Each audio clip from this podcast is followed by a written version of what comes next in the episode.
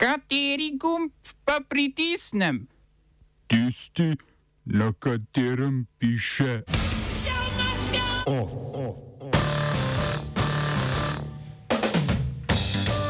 Ameriške oblasti zasegle spletne domene iranskim medijem. Evropsko nasprotovanje mađarskemu zakonu, ki omejuje pravice LGBT skupnosti. V poročilu banke Credit Suisse o rekordnem številu novih milijonarjev in večji globalni neenakosti. Na jesniški občini opozarjajo na nedovoljeno odlaganje gradbenega materijala. V krofu Himerna cepiva.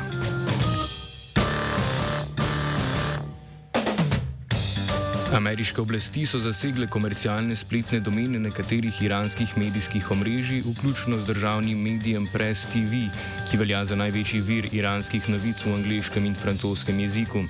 Enaka usoda kot domeno presstv.com je doletela še 32 drugih spletnih strani različnih lokalnih in regionalnih medijev v Iranu, ki spadajo pod Islamsko zvezo radijskih in televizijskih sprejemnikov, ter tri druge, ki so povezani s šiitsko milico Kataib Hezbollah v Iraku.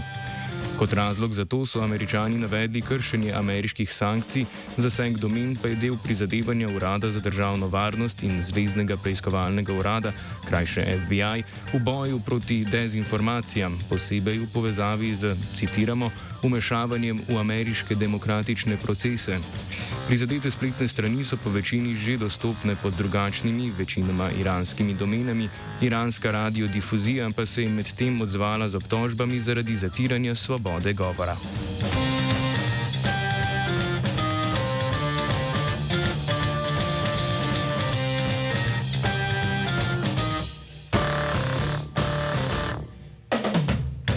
Z obtožbami nad američani ne skoparijo niti Kitajci, ki so obsodili ponovno pluti ameriške vojaške ladje skozi tajvansko ožino in to označili za ustvarjanje varnostnega tveganja. Po besedah ameriške mornarice je šlo za rutinsko plovbo v skladu z mednarodnim pravom, sicer pa že šesto to vrstno, odkar je v Beli hiši Joe Biden. Točka spora je predvsem stopnjevanje ameriške podpore Tajvanu, ki se izraža tudi v vojaških vajah in aktivnostih na obeh straneh. Zadnja provokacija, denimo, prihaja teden potem, ko so kitajske zračne sile del vaj izvajale v identifikacijskem območju tajvanske zračne obrambe.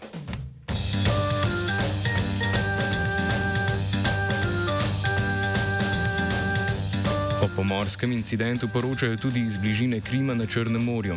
Ruska vojaška ladja naj bi namreč sprožila več opozorilnih strelov proti britanskemu rušilcu, potem ko je slednji priplul v ruske vode.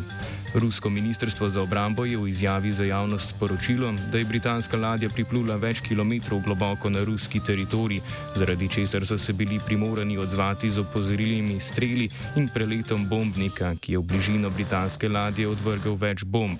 Britanska mornarica se na incident še ni odzvala.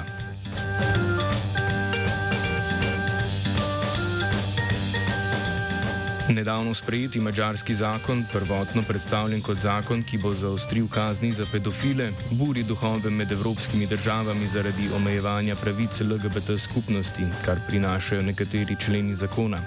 Svoje nasprotovanje so na pobudo belgijske zunanje ministrice Sophie Vilmes s podpisom skupne izjave izrazili ministri 14, predvsem zahodnih in srednjeevropskih držav Evropske unije. Vprašanje, ali mađarski zakon krši evropsko zakonodajo, bo obravnavala tudi Evropska komisija.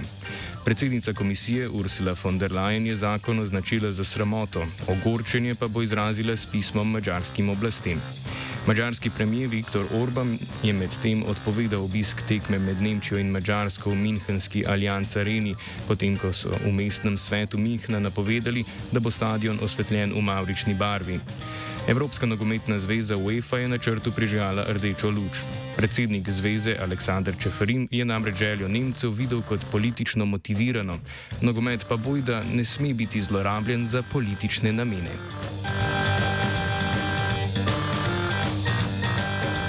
Da je, koron, Da je koronska kriza po večini prizanesla najbogatejšim, je znano že dlje časa. Slednji pa potrjuje tudi poročilo banke Credit Suisse.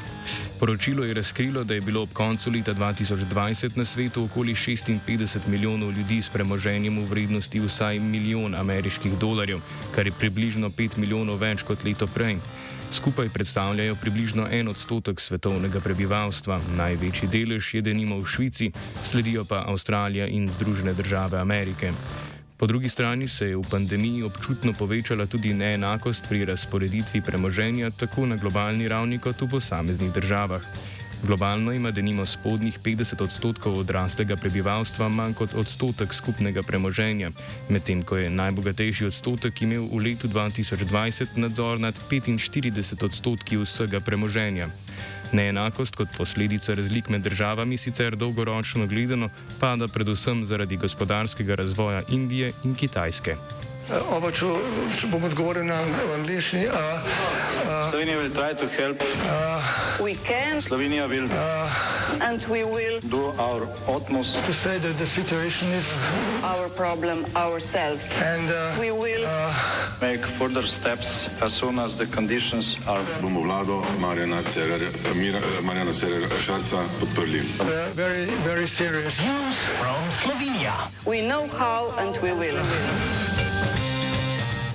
Občina Jesenice in tamkajšnji medobčinski inšpektorat opozarjata, da prihaja pri nadgradnji gorenske železnice, železniške proge do nedovoljenega odlaganja gradbenega materijala na državno zemljišče na območju občine Jesenice.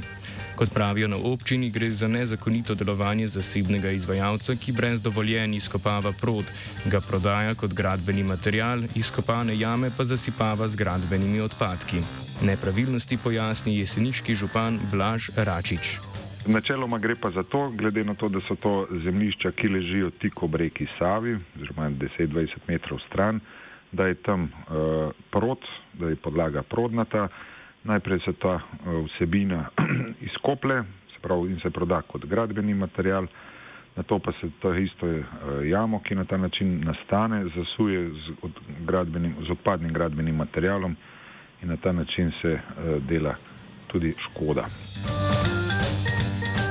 Ker gre za državno zemljišče, v tem primeru občina in medobčinski inšpektorat nimata pristojnosti za ukrepanje, zato na občini pričakujejo, da se bodo odzvale primerne državne inštitucije.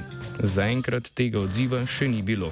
Seveda pričakujemo, da se bo odzvala rudarska inšpekcija, ki je pristojna za to, za izkopavanje uh, kakšnih odpadkov in pa gradbena inšpekcija, ki pa je pristojna za odlaganje gradbenih odpadkov. Kot rečeno, na jesenicah se čutimo nemočne, naša inšpekcija na državnih oziroma občinska inšpekcija na, na državnih zemljiščih nima pristojnosti in zato pričakujemo od države, da čim prej odreagira. Slovenska tiskovna agencija, krajša STA, je na 174. dan upravljanja javne službe brez plačila za njo strani vlade dobila državni red za zasluge.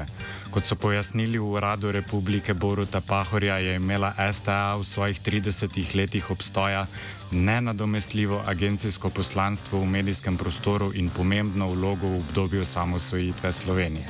Poleg STA sta enako odlikovanje dobila tudi radijski in televizijski program za italijansko narodno skupnost, ki praznuje ta 70. oziroma 50. obletnico. OF je pripravil Jure.